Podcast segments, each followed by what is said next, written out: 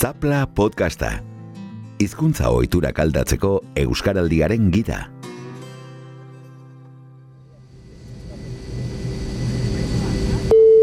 Bidaiari estimatuok hemen etxaniz komandantea aireratzera goaz.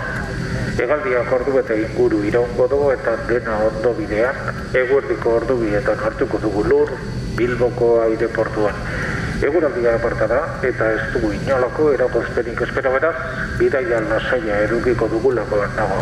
Edo zer behar izan ezkero tripulazioa katsagin handiz lagunduko zaituztete. Mila esker. También hablamos castellano, gracias. We also speak English, thank you. No parlons en français, merci. Nio, hau bai leia espazialean goia jotzea eta ez ipar Amerikar edo txinatarrena. Na, na. E, e, esnatu, ailegatzear gaude? Azelo aldi egin duzuna. Ai, banengoan bani, ederregia zela erreala izateko. Ametxiko zotan ibili zarantza. Irribarre zabal-zabalarekin zeunden lo. Ai, Euskarak estratosfera konkistatu zuela irudikatzen enbilen. Ze konkista eta ze konkista ondoko. Badugu nahikoa lan, gune lurtarragoak irabazi eta babesten. Eta guztazu ametxen orbita. Urrengoa da gurea eta. Altxa, guazen. Urrengo geltokian, Arigunea plaza.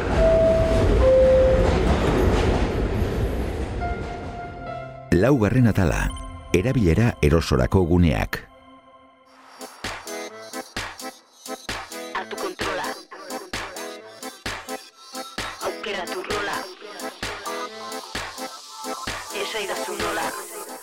Kaixo entzuleo, kaixo Monika, bueno, zorionez guretzako ere podcast hau gero eta gune erosoagoa da, ez da? Zalantza bare, Juan Cruz. Eman egurra. Guneak eta uneak, Euskara erabili nahian gabiltzan askok, bilatzen ditugun arnasteko espazio eta momentuak. Irigunetan adibidez, erdaren artean Euskaraz lasai aritzeko espazio bila aritzen gara Euskaldunok. Horrela, sortu dira komunikabide kulturgune, aizialdigune eta mintzataldeak besteak beste. Gune berriak sortzeaz gain, lehendik daudenak irabazten ere, badugu lana. Gizartean presentzia eta funtzioa duten era guzietako entitate, erakunde eta taldeetan Euskaraz aritzeko gune babestuak sortzea proposatu du Euskaraldiak besteak beste. Eta ez dira gutxi erakunde horietan lehendik ere martxan dauden Euskara planak. Horixe izan da, amarkadetako ahalegin askoren helburu bikoitza, egin eta eragin. Baina, zer harreman dute, iztunon hizkuntza ohiturek enpresa, erakunde, elkarte eta bestelako guneekin. Iztunon portaerez eta norbanako nautuez ari garelarik, badu zentzurik entitate antolatu ez hitz egiteak? Iztunon harreman asko antolatutako eremuetan gertatzen dira. Lanean dela dendetan, kirol elkarteetan edo osasun zentroan izan daitezke. Eta gune horiek euskararen erabilerarako gune abegikorrak izan daitezke edo ez? Hori da, gure buru ez gain espazioak ere euskaldundu behar ditugu eraz, iztunok eroso aritu alizateko, ez da lan makala. Ez ba, entitateetan euskaraz funtzionatu ahal izateko urratsak eman ahal izateko, euskaraldiak ariguneak sortzea proposatu du. Euskaraz lasai aritzeko gune babestuak dira ariguneak. Oinarrizko irizpide batzuk denontzako dira baliagarriak. Egin eta eragin, bultzatu eta bermatu. Ezagutu ditzagun eremo babestuek eskaintzen dizkiguten aukerak.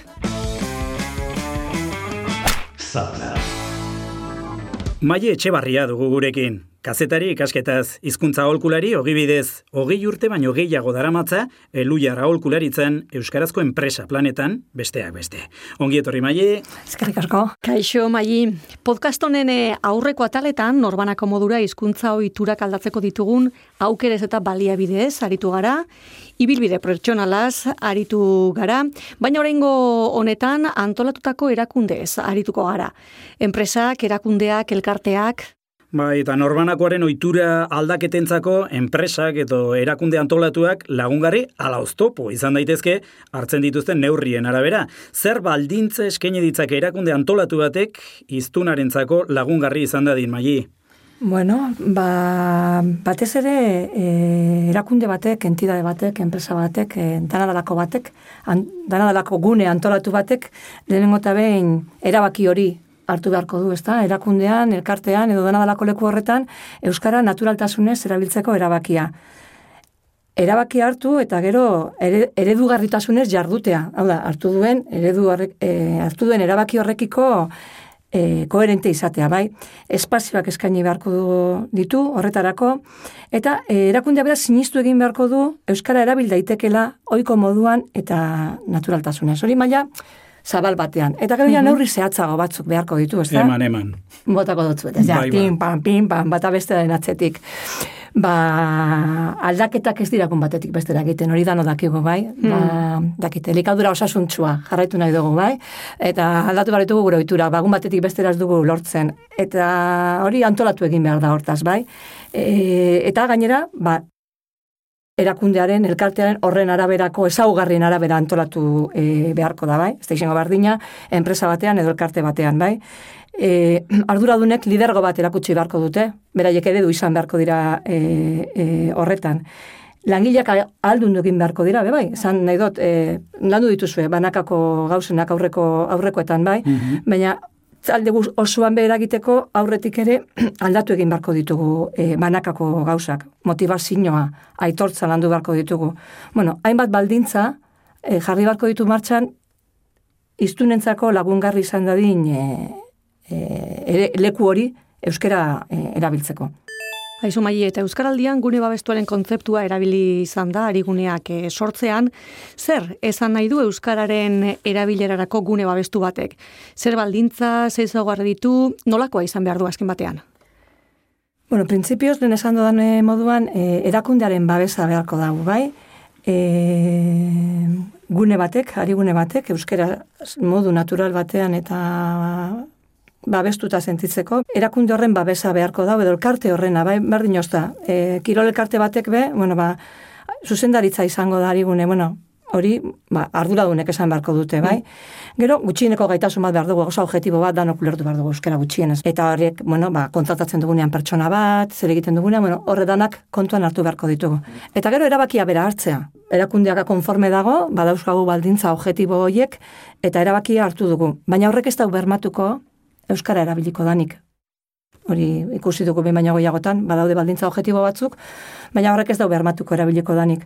Orduan, e, horretarako ba, bideak eman beharko dira. Eta ustot, e, ariguneaz ari garenean komunitateaz ari garela, komunitate txiki bateaz, gune, baina pertsona ezberdinez, baina norbanakoak be hartu beharko dira e, kontuan, bai? Azkenean, e, gune horretan egongo diren kidek erabaki hori hartzen dutenean, jakin beharko dute bata eta bestean on dagoen. Ez da berdina izango, nik euskara ulertzen dut justo-justo, orduan nirekin astirotxeago, baina honi buruz ez, honi buruz bai.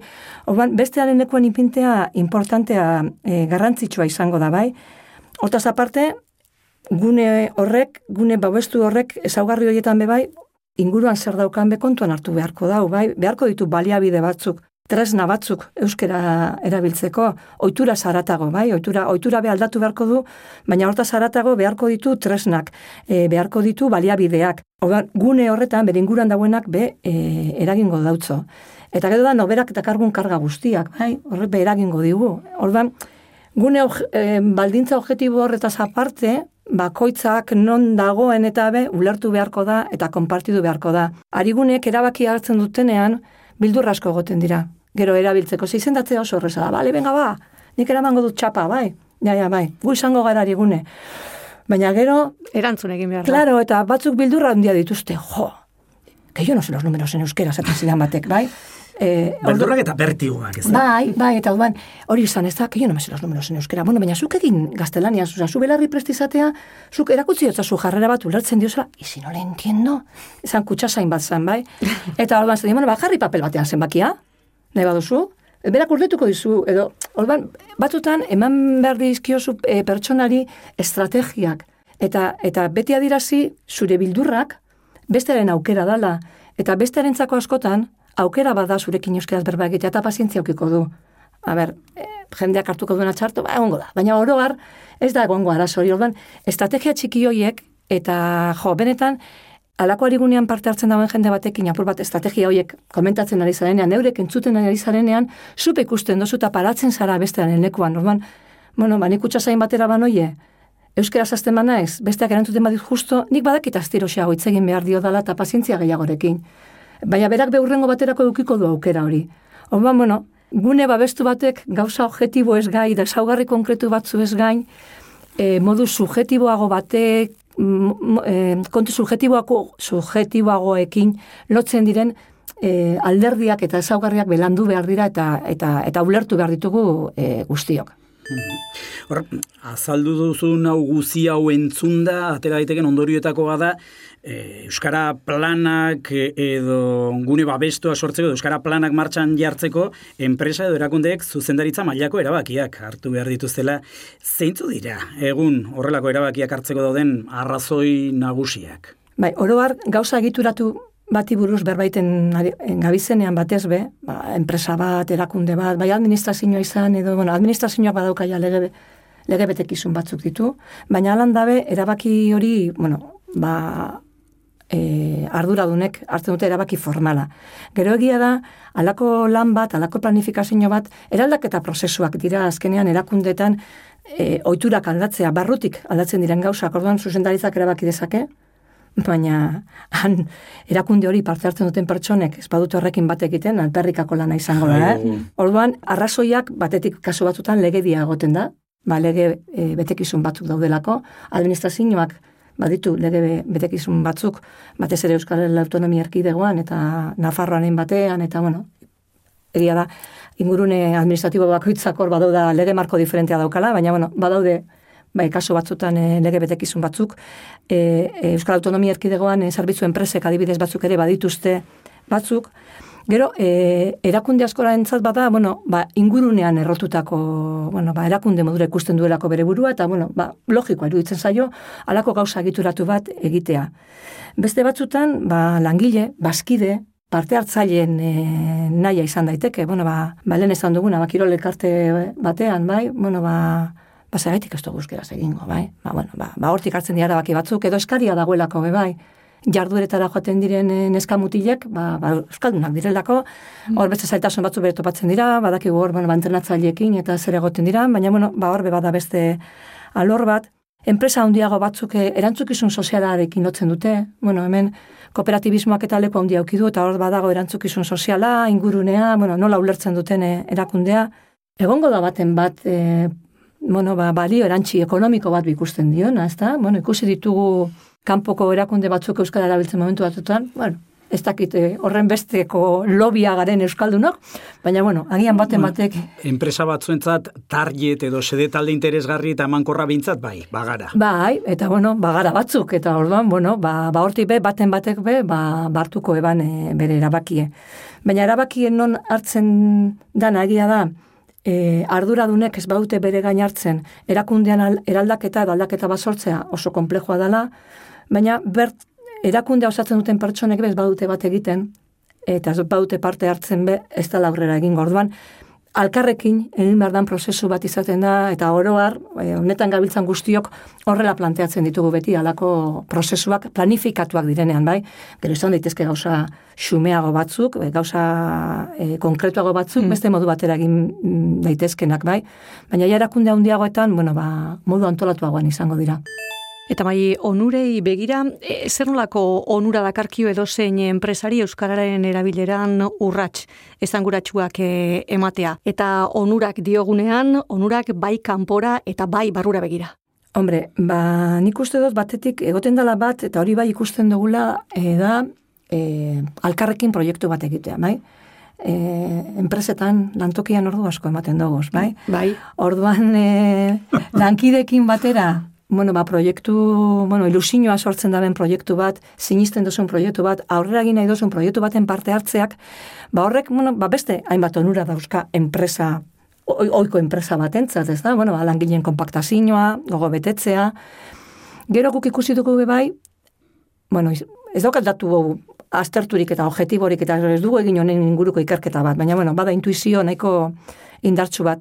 Euskara eta gaztelania kudeatzen dituzten enpresek, eta hemen enpresa askok egiten dute hori, ondoren joaten direnean, eta hemengo hainbat kooperatiba batez ere industria alorrekoak, joan, joan dira, joan dira, e, kanpora, beste hizkuntza batzu dituzten, beste egune batzutara, beraien e, plantak eta ezartzera, olakoetan, e, bueno, ba, hizkuntza kudeatzen ohitura badauenez eta ja badauenez e, bide bat eginda, han asko zerrezago gainditu dute, e, bueno, ba, ba hizkuntza ezi hori.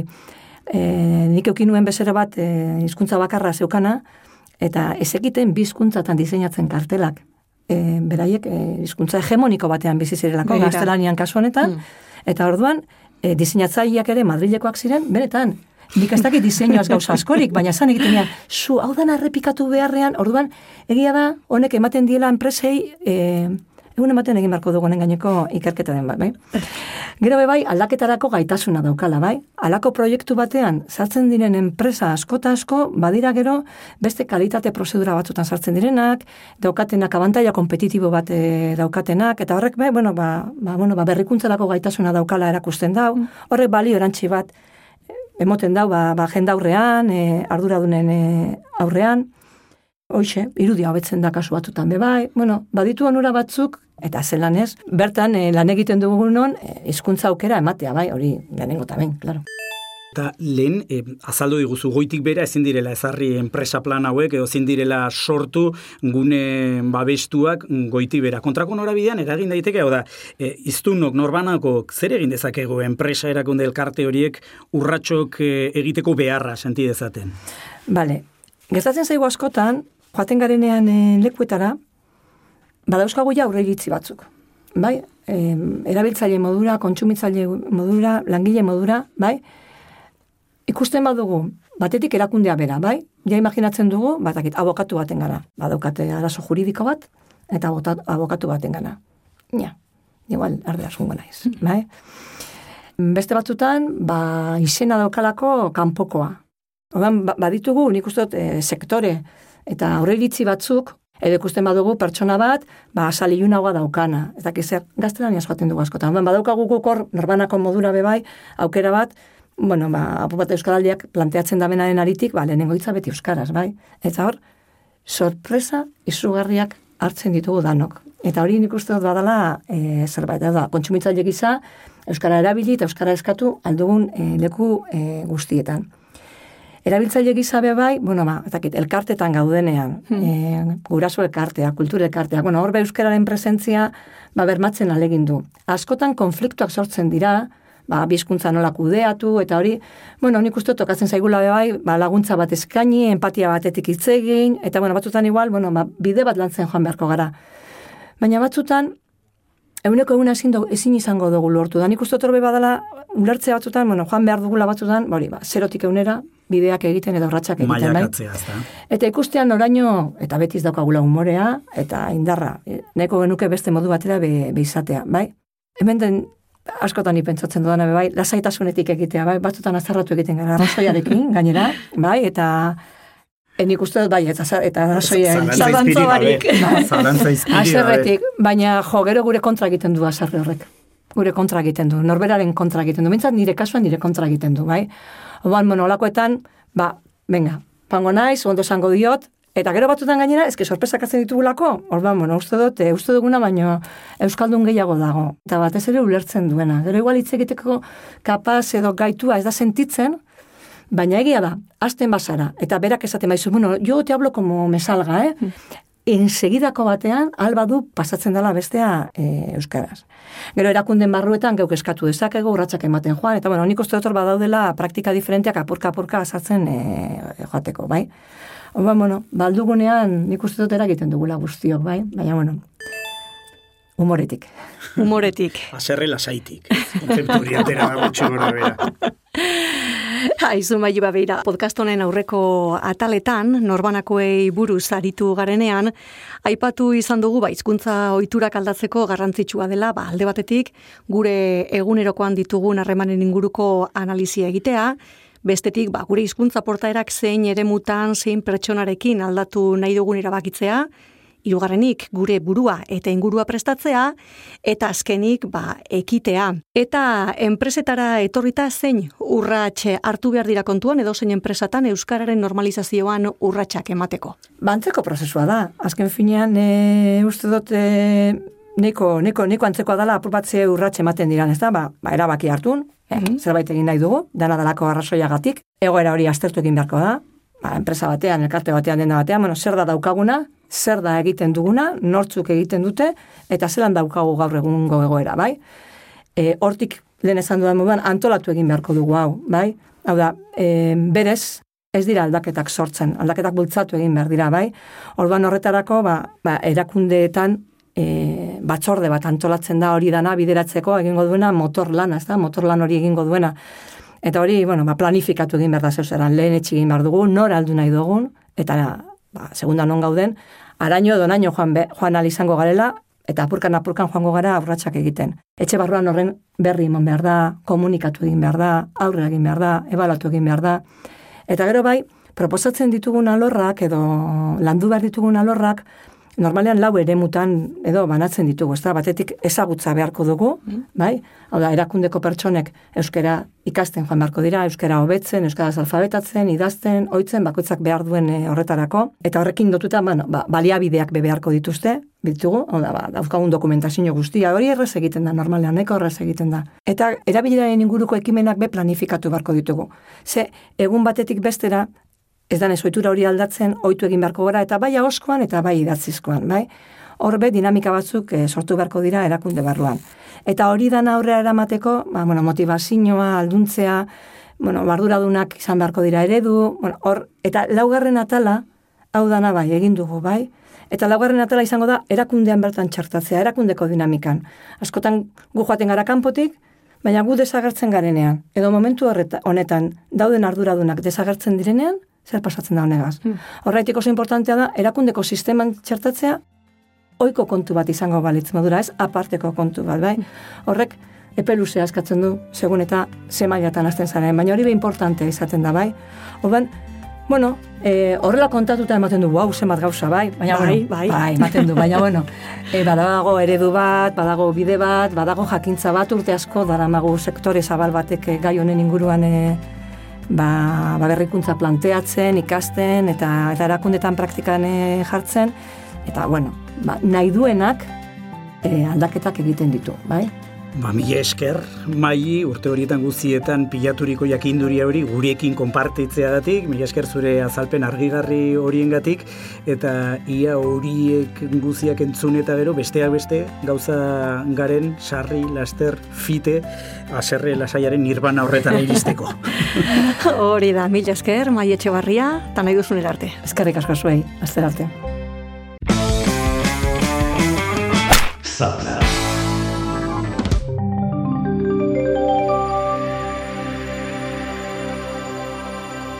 Lorea Arakista inaizpiri naiz, puntu euseko marketi zuzendaria.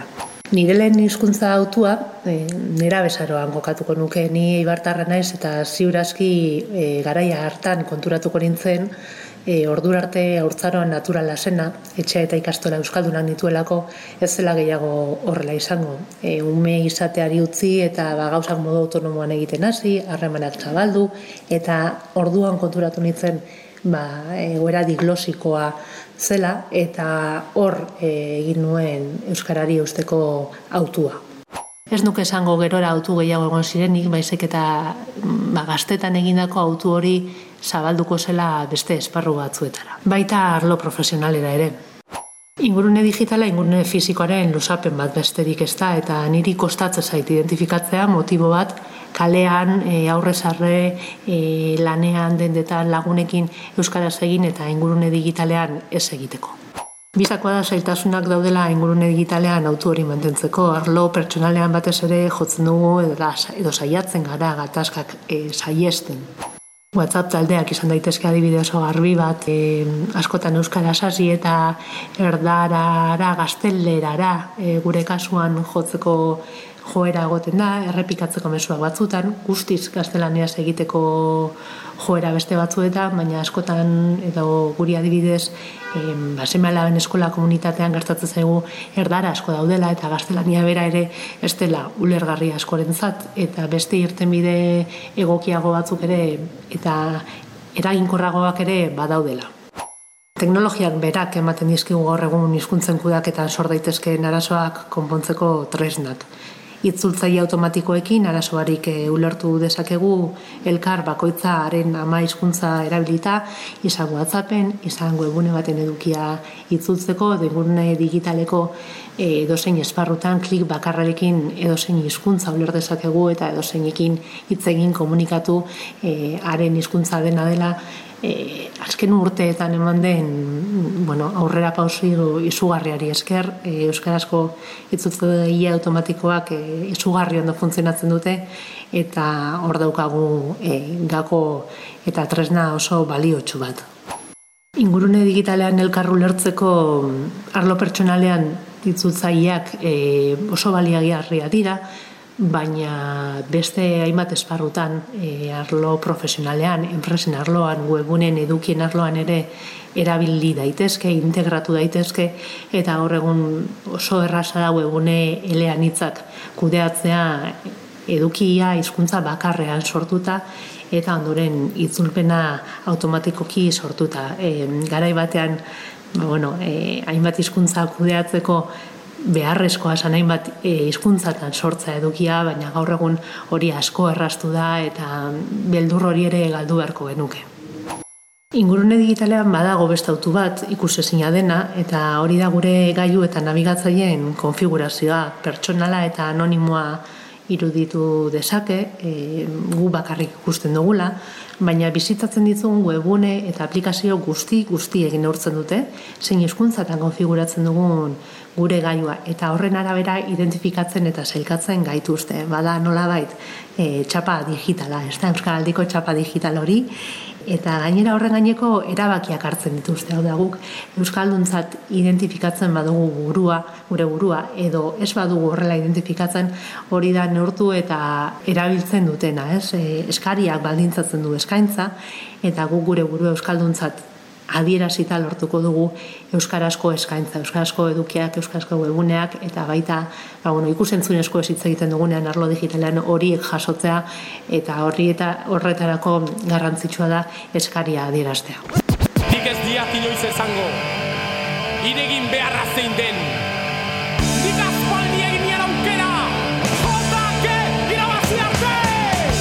E, kexo, e, Aitor Gorosabel naiz, Aitor Gorosabel garai, zuta gartaldeko abeslari eta gitarra jolia. Zuta gar sortu zan, elkartu ginean, laro eta zazpiko iraian, xabitani, ba, udalekuetan da, horre hasi ginean, batak bestia gitarria jotze zebala jakin izan zebanean, ba, bueno, hanbertan udalekutan pizka kante batzu jo, zoze sortu, eta ja, e, udalekutatik bueltan da, ja hasi ginean, e, pa pizka jotzen, da, ez, elkartu ginean, borseak da zierrekin, ba, denbora pasa moduan, hasi ginean, ondo pasatzeko hori bagenekan argi negenuala heavy metala jo, baina hizkuntza nautua esan izan era kostiente baten. Badaukagu lagun bat, Iker Rokandio, ba, berak egin ditu ba, jotake mari eta olako kanta esaun asko beranadia, eta hasiera hasieratik ba, hau xabik esautze zelan da, ba, esan gotzat, ikarriri letra bat etxeko, eta, eta intzeban erderaz eta besteri bari ni abesten hasi nintzen, eta ba, batean izan zen, e, ez da ba, oso arraro sentitzen nintzala, enitzan identifikatzen erdal heavy metal estilo horrekin, ez da nire burua ez neban eroso eta horretara egokituta ikusi. Eta eskatu betzan, jo, ba, ikar, ze, euskera zetzen mozu letra bat, zer, ze, super arraro sentitzen naiz, da, ze, da, flipe bada euskera ze, etxia, eta, eta justu nintzeman jotake. Ze jotake da gure lehenengo batera genuak ekantuta. Bueno, ekarri zaban letra hori, eta ja, boa, ez da gitzi, igual, igual ekarri zaban egunean, igual joven nuan, hogei bidar kartua, igual, eta super emozionauta, eta ja, eta gitzi, eh, Esan izan era, e, erabakitako kostienteki erabakitako gauza bat. E, e, izan zen identifikazio kontua, ero eta batean euskera sekarri zebanean da jotzen, ba, hori bai izan benetakua. Eta, eta hortik aurrera, e, e, esan, ez genuan erabaki bihar izan erdera zer euskera, zer inglese, zer ja euskera, euskera hasi ginen hitzak egiten, eta eta gu pentsatzen genuan, e, holan, jo, gauza oso arraro bat etxen ari ginen, eta igual jende asko kezea, bala, ulertuko, baina holan urten ginen. Autentikuen ez dut ez izango, baina, bueno, bai, barruari jarretxuz. Ez da, kalian ibiltzen izan, da nire oituria euskera zitzegitia izan, da nahi noen euskera zitzegin, da konturatzen izan, ba, jende asko zebala nire inguruan, euskalduna salat, eta euskera ze zebana etxen, ez? Eta norberak be, baia pixkate kontzentzia hori hartu arte, goratzetu ikastolako lagunekin eta bai, kalian da erdaz zitzegiten genuela, bikote bat eukinean e, institutuan esatu noana Euskaldunen alaba bai, e, Euskaldun Euskalduna, baina arekin e, hasieran erderaz etxenean, eta nik uste igual egoera hori izan zala pixkat, ez dakit, ba, gaizki sentiarazten ninduana batez bez, erabaki noan, ba, horreri ba pixkate bueltia motia, eta hasi ginen egun baten hor, kosta betxen da, hasieran, super raro sentitzen euskeraz, eta egun bat, saiatzen super raro beste bat, eta aste bete garrenian, bapatian e, ari ginen e, euskeraz e, hitz egiten da, eta erderaz hitz egitea arrarua zan. Eta konturatu nintzen, ba, berdin jain ezakela, ba, ba, bai, kuadriako lagunak, kuadrian jende asko gainera zegoen e,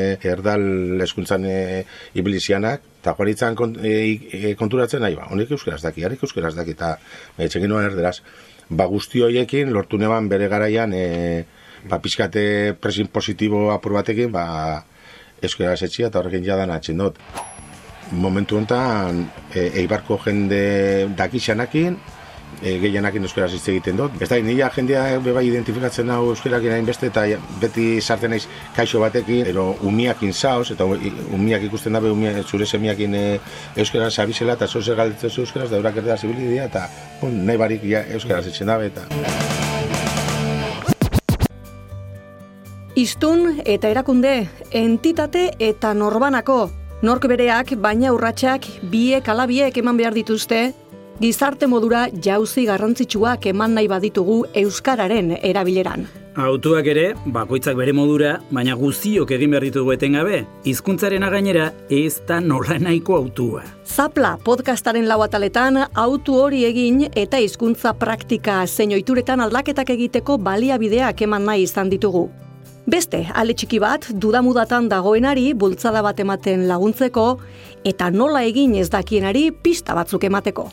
Euskaraldiak gai hauek mai gaineratu nahi izan ditu, eta ekimenak gune babestu handi bat eskaintzen du, taldean, batera, urratxoriek egiteko.